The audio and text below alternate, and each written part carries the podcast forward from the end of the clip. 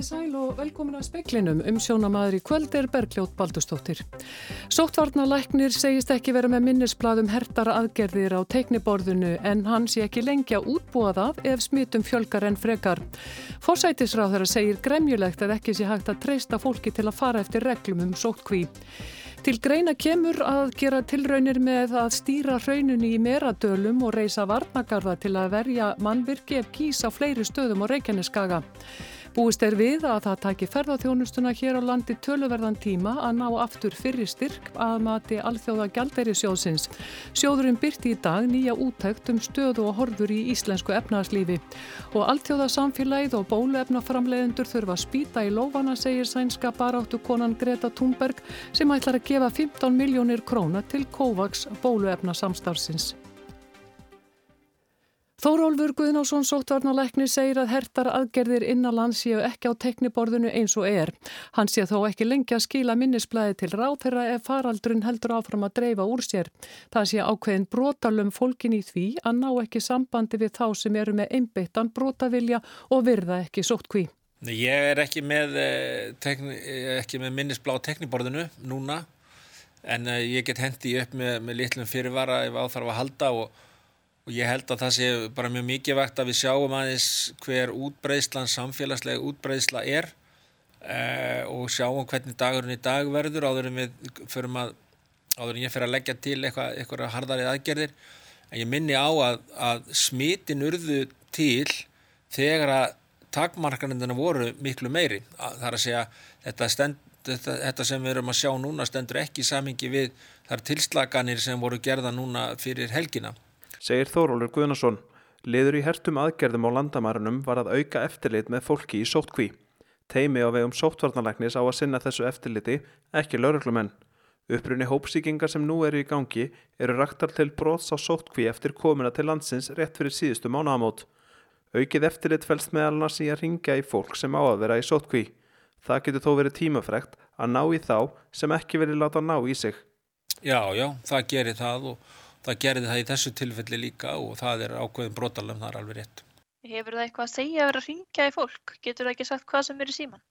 Jú, jú, en við getum líka ákveðið að séð uh, og ákveðið að senda uh, hérna, eftirlit á staðinn.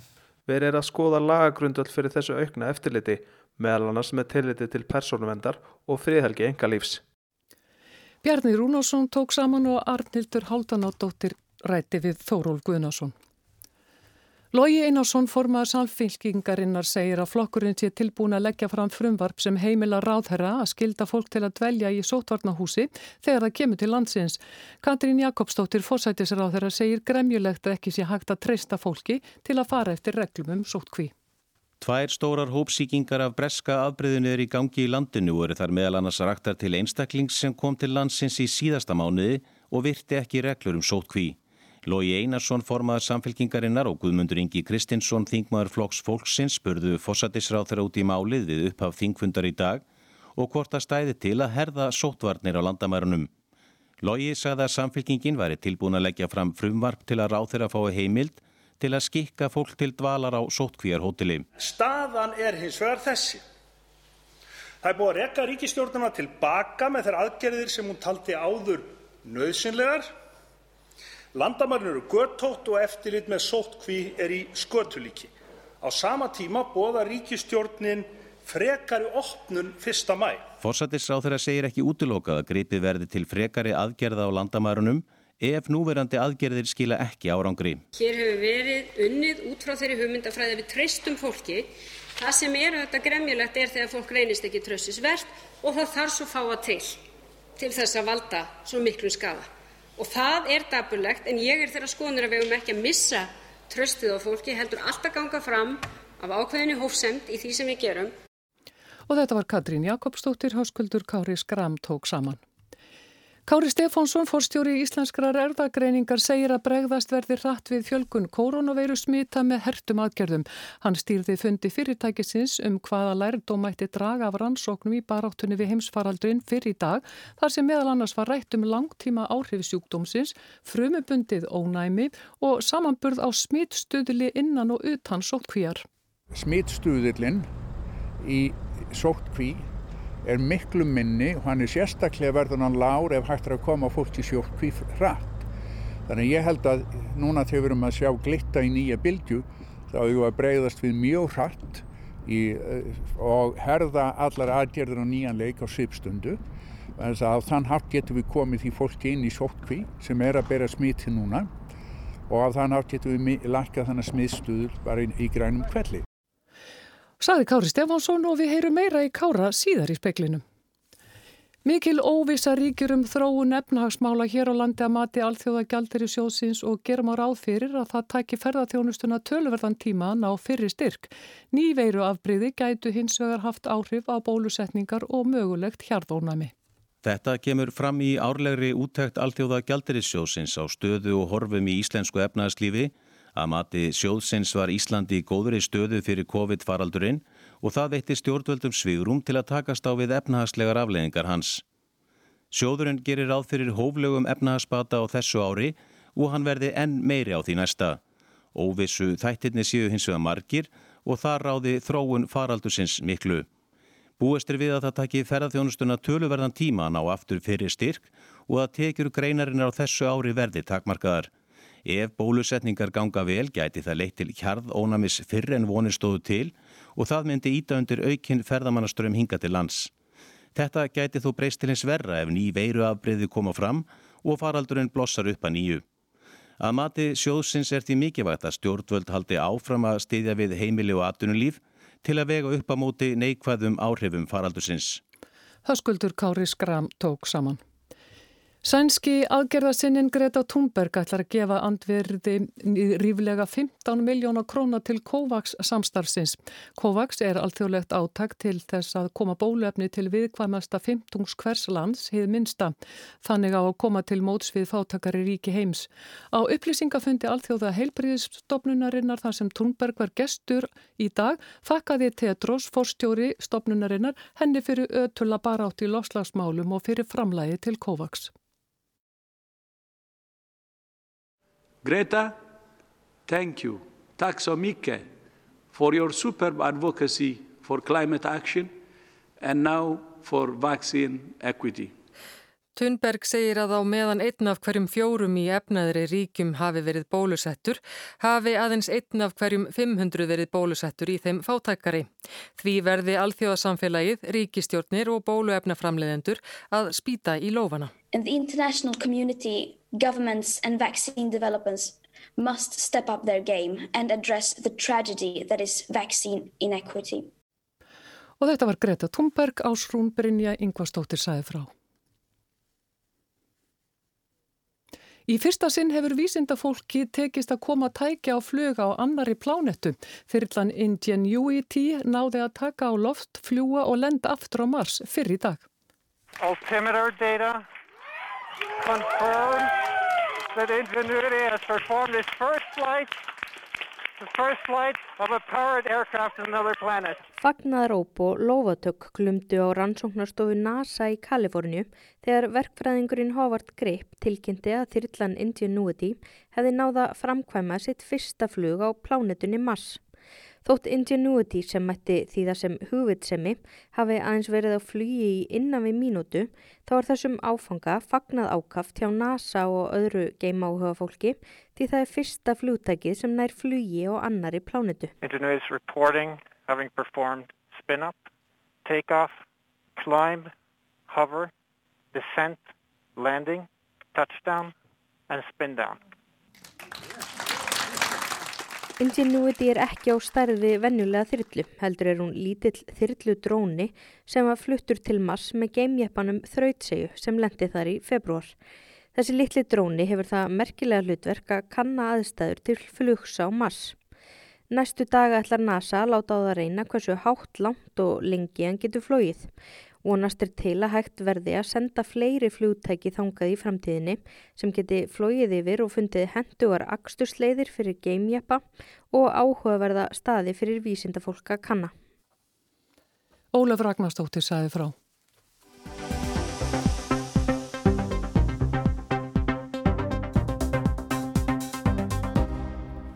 Ónæmi svar við SARS-CoV-2 veirunni hjá þeim sem hafa síkst af henni hafa lítið dvínað ári eftir að fólk veiktist. Þeir sem voru veikari voru með meira ónæmi svar og eldra fólk líka. Þetta kom fram á fræslufundi íslenskarar erðagreiningar sem haldinn var í dag. Þar voru kynnta niðurstöður úr umfangsmiklum rannsóknum fyrirtækisins á koronaveirunni meðal annars á raðgreiningu vörnum líkamanns gegn henni og afleiðingum fyrir helsu þeirra sem smituðust. Kári Stefánsson, fórstjóri Íslenskarar erðagreiningar, ertu velkomin í speilin. Takk. Sko, það er að mörg að taka, en er þetta ekki að verða ein mest rannsakasta veira bara í heimi? Ég held að það hljóta að vera svo. Þetta er veira sem er búin að dvelja í mannheimum í rétt rúmlega ár og það er búið að skoðana frá öllum mögulegum sjónarhóttnum og Ímislegt af því sem, sem tjömur hefur komið í ljós hefur valdið mönnum kannski meiri óta heldur en, heldur en var ástæðið til vegna þess að það er búið að skoða verjuna svo mikið við séum svo margt nýtt. Og það eru svo marga spurningar sem að hefur ekki teitist að svara þegar tjömur að eðli þessara veiru. En ef þú færir að skoða aðrar veirur sem herja mannin þá er í sjálfsagt í flestum tilfellum þannig að, að það er ekki til svör við þeim spurningum þau kemur að þeim heldur. Við langar aðeins að byrja á, á raðgreiningunni vegna þess að við erum búin að tala svo mikið um hana og þetta hljómar svona svolítið í eiru okkar sem að kannski erum ekkert á bólakafi í því hvernig þetta gengur fyrir sig að eins og veiran sé í rauninni svolítið að kæfta frá sjálf e, þegar þeir eru annars vegar sem að hérna eru svona svíkjast um og fara og brjóta sóttkví og svoleiðis. Er það ekki rétt? Ég menna, er hún ekki að uppljóstra um það? Raðgreiningin á veirunni hefur ljóstrað upp tölvöld miklu þegar kemur að því hvernig veiran breyðist út í samfélaginu. Hún samastendur af um það byrj 30.000 nýtubörsum og uh, það eiga sér stað, á sér stað stöppbreyting eða það sapnast á hana einn stöppbreyting í fjórða hvers stifti sem hún flist frá einum manni til annars. Það þýðir að, að við erum með ansi gott kort af veirunni þegar hún er að flytjast um okkar samfélag og um, ef við getum til dæmis ef við tökum þessa þetta hópsmitt sem kom upp núna nýlega á leikskóla að við vitum að allir sem smituðust smituðust að veiru af sama toga. Og það skiptir miklu máli þegar maður fer að velta fyrir sig hvernig á að koma í vekk fyrir að þetta breyðist út. Í annað er að ef Pétur og Jón sítjast á sypðum tíma og við erum að veltaði fyrir okkur hvort var það Pétur sem síkti Jón eða Jón sem síkti Pétur þá er sá möguleiki fyrir hendi að annar þeirra til dæmis Jón sem er eina stöppbreytingu umfram Pétur og þá vitum við að Pétur síkti Jón en ekki Jón síkti Pétur. Þannig að þeir eru alls konar möguleikar í því að lesa í þessu gögn, rækringagögn og nota þetta til að hjálpa sér við að stilja hvernig veiran breyðist út um, um Íslands samfélag. Er þetta nýtt? Er þetta nýjar upplýsingar um hvernig, getur við sagt, ræðgreiningar virka? Nei, en þetta er ný aðferð við að nota ræðgreiningu. Hverki annars þar í heiminum hefur þetta verið notað þennan hátt. Við erum eina þjóðin sem hefur ræðgreint veirun á öllum þeim sem hafa greinst og það býður upp að þann möguleika að nota ræðgreiningunum ekki bara til þess að átta sig á því hvaða stopna veirunni sé algengestur í samfélaginu eins og breytar eru til dæmis að gera núna heldur þetta beinlinn snýtt þetta til þess að rétja smítin í samfélaginu eh, og þegar þú setur saman annars vegar smittrakningagögnin og hins vegar raðgreiningagögnin þá getur það opnað sko sín á alls konar hluti sem maður hefði ekki getað síð annars. Til dæmis í dag voru tveir strákar, Kristján uh, Eldjad og Sölvi sem uh, sínd okkur uh, mótel sem þeir höfðu búið til sem byggir til þess að stilja þriðju bylgjuna af verunni og notuðu til þess annars vegar raðgreiningagögn og hins vegar smittrækningagögn sem eru ófu saman í eina stýringu á því hvernig eh, þessi veira, hvernig þetta þessi bildja demdist yfir okkur. Afskaplega elegant vinna sem er, er að vissuleiti mjög gangleg vegna þess að þegar við erum að undurbú okkur undir það sem má vera að verði fjórðabildjan, þá var þess gott að stílja nákvæmlega hvað gerist í þeirri þriðjum. Förum aðeins yfir uh, að því að það var verið að rannsaka fólk sem hefur fengið sagt, uh, uh, þessa pest og, og niðurstöðuna síndu sem sagt, það voru bæði sem sagt, var ekki rétt skilji hjá mér, það voru bæði góðar og vondafréttir. Góðu fréttirna voru að það var ennþá mótefni í þessu fólki ári síðar. Er það ekki rétt? Það, það, mér, mér fundist í þessu ekkert um að góða fréttir. Við erum öll búin að lesa um, um alvarlegar langtíma afleðingar af, af COVID-19 og við vorum bísna eins og aðrir mist áhyggjufull yfir því hvers eðlis þessi, þessi áhrif væru. Ef þú, þú skoðar niðurstöðunar sem eh, voru, voru í, síndar í dag, þá eru, er, er annars vegar einkennin sem sjúklingarnir kvart út af og hins vegar eru það mælingarnar á, á starfseminn ímsu líffæra sem við höfum, höfum þess að móðu og umkvartanir sjúklingana eru það sem heldur áfram tölvöld lengi eftir auðvitað búin að jafna sig. Fólk kvartar undan þóku, heila þóku, það kvartar undan mæði, það kvartar undan alls konar er einnkjönum sem við sjáum ekki en, en sjúklingurum finnur. Þegar fórum til dæmis að skoða heila þókuna að þegar, þegar að þessir einstaklingar eru teknir í gegnum alls konar próf á, á því hvernig þeir hugsa svona greindarpróf alls konar að það standaði þessi almennsvel eins og þeir sem síktust ekki.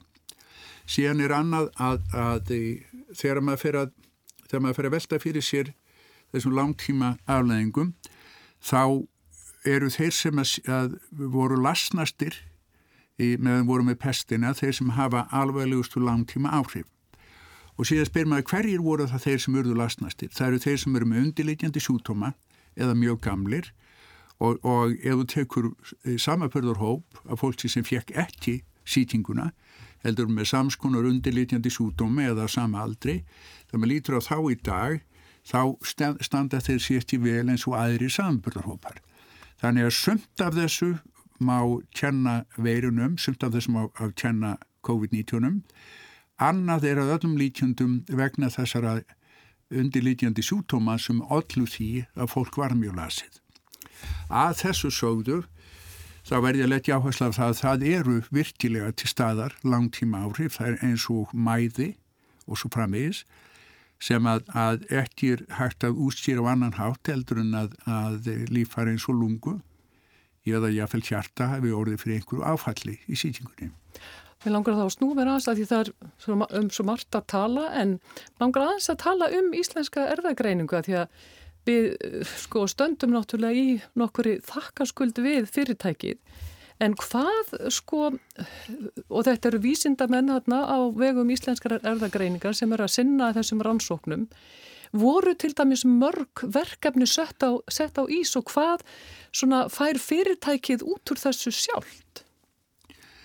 Sko við erum daldið skringilegt fyrirbreyði í um, í íslensku samfélagi þegar að, að, þegar að faraldurum best til Íslands þá komist við að þeirri nýðustuðu að það var ímislegt sem þurfti að gera sem enginn var í stakk búin til þess að sinna nema við hjá íslenski erðargenningu og þetta var þannig augnablík að það kallaði á að allir snýru bjókum saman. Mér stósti fyrir okkur sem að, að sátunir í Vasmýrinni þá, þá eh, leit þessi faraldur út eins og kannski hvað er fyrsta, fyrsti kaplin í bókinu um Endalók Manchins. Þetta var ókveitjandi og við bara hoppuðum út í þetta, okkur fannst okkur eftir standana til bóða og um, við erum svo heppin að eigendur fyrirtækisins þegar ég hafði samband við það og sögði í Guðanabænum hjálpiði stjórnvöldum eins og því getið og við höfum gert það síðan og það hefur verið alveg ævitýrlega gaman að vinna með þessu fólki sem var til dæmis að, að flytja fyrirlestra nýri Vasmírin í dag þessu fólki sem vann myrkrana milli í, að þessum verkefnum fullt af öðru fólki sem að, að sem að vinnur á rannsnástofunni sem hefur verið bóstæðilega reyðubúð til að koma inn hvena sem er. Til dæmis ringdi ringdi sótarnalagnir í mig morgun og spurði hvort við ættum ekki að stíma aftur í samfélaginu í, í hafa svona slempi stímun og Ég saði auðvitað já, hafði sambandum mitt fólk og það skorti sko ekki orkun af kraftin og viljan og löngunna til að byrja að taka þátt í þessu aftur. En af því að það stýttist í tímanum hjá okkur þá, en hvað tekur við? Menni, þið getur náttúrulega ekki gert þetta enda löst, eða hvað? Við erum, við erum sko, síðan 15. februar höfum við ekki syndu öðru heldur en raðgreiningu og því að greina eða lesa í gögnin sem út úr því koma. Í, síðan í september þá er meiri hluti okkar starfs hefur verið í dagvinni að vinna við alls konar annars konar sjúdóma og er má til gamast ég að að það hefur gengið feitilega vel upp á síkastu, við höfum verið að gera uppgöttanir um, um bísna stjæmtilega ferðla í alls konar sjúdómum Þannig að við erum, við erum að góðum stað og okkur finnst einhvern veginn eftir eins og við höfum fornaninu heldur okkur beinfallega við fengum að vera með. Kári Stefánsson, kærar þakki fyrir að koma í speilin.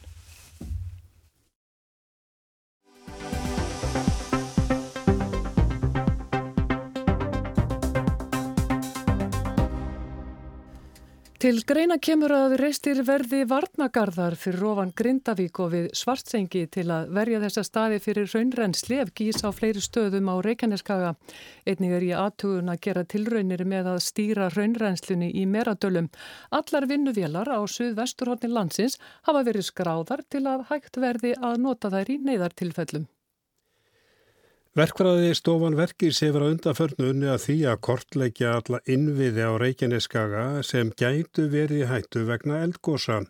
Rökkvaldur Ólason aðstóðar yfirlörglu þjóttni hjá almannavörnum segir að ákveðið hafi verið að sapna þessum upplýsingum vegna þeirra jarðþræringa sem verið hafa á Reykjaneskaga frá 2019. Eh, það er svona vísbendingur það að Reykjanes sé svona lifna við aftur og þetta er náttúrulega eh, mjög stórt svæði sem að getur verið virt. Þannig að núna erum við að kortleggja alla raunni innviði sem er á svæðinu og geta mögulega verið hægt út af raunrensli. Þegar þú talar um svæði þá erum við að tala um Reykjaneskagan og meðalans bara höfuborgarsvæði líka. Já, ég raun og veru. Þetta er náttúrulega alveg frá Reykjanestá og, og síðan upp í, upp í hengilin. Þetta er spísna stórt svæði sem að, um að ræða en, en er að vera kortleggja alla innviði á, á, þessu, á þessu svæði. Og þegar maður talar um innviði, já, hvaða innviðir eru þarna? Já, það er náttúrulega að horfa á samgöngumannverki, rávorkumannverki, fjarskiptumannverki eh, og veitumannverki og þess að það er allt svona sem að hjálpur okkur að við daglegt líf. Rakvaldur segir að verkefnið sé komið býstna langt, búið sé að kortleggja alla innviði. Og núna eru komin á stað að, að það er búið að forhanna mannverki sem að vera að setja upp til þess að verja runni þessa innviði og, og, og, svona, og líka búið að rýna í sagt, uh, lofthæðagögn fyrir uh, svæði til þess að meta rauninni þá mittur hörninslið og, og hvaða staðir þetta er sem er í hættu og rauninni hvaða aðgerað er raunin haft að grípa til og, og þess að þar. Ljóst er að nöysilegt er að búa svo undir að nýtt gós skeiði gæti verið að hefjast á Reykjaneskaga. Þau standa yfir í langan tíma og það getur gósið á nokkrum gósbeltum sem þvera skagan.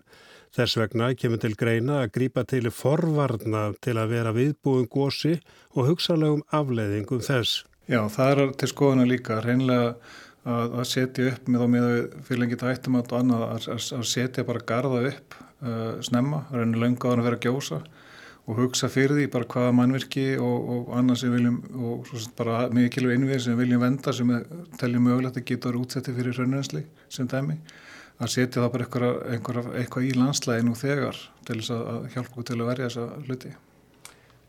Hvar er það til dæmis? Geti það verið fyrir ofan Grindavík og við Svartsengi?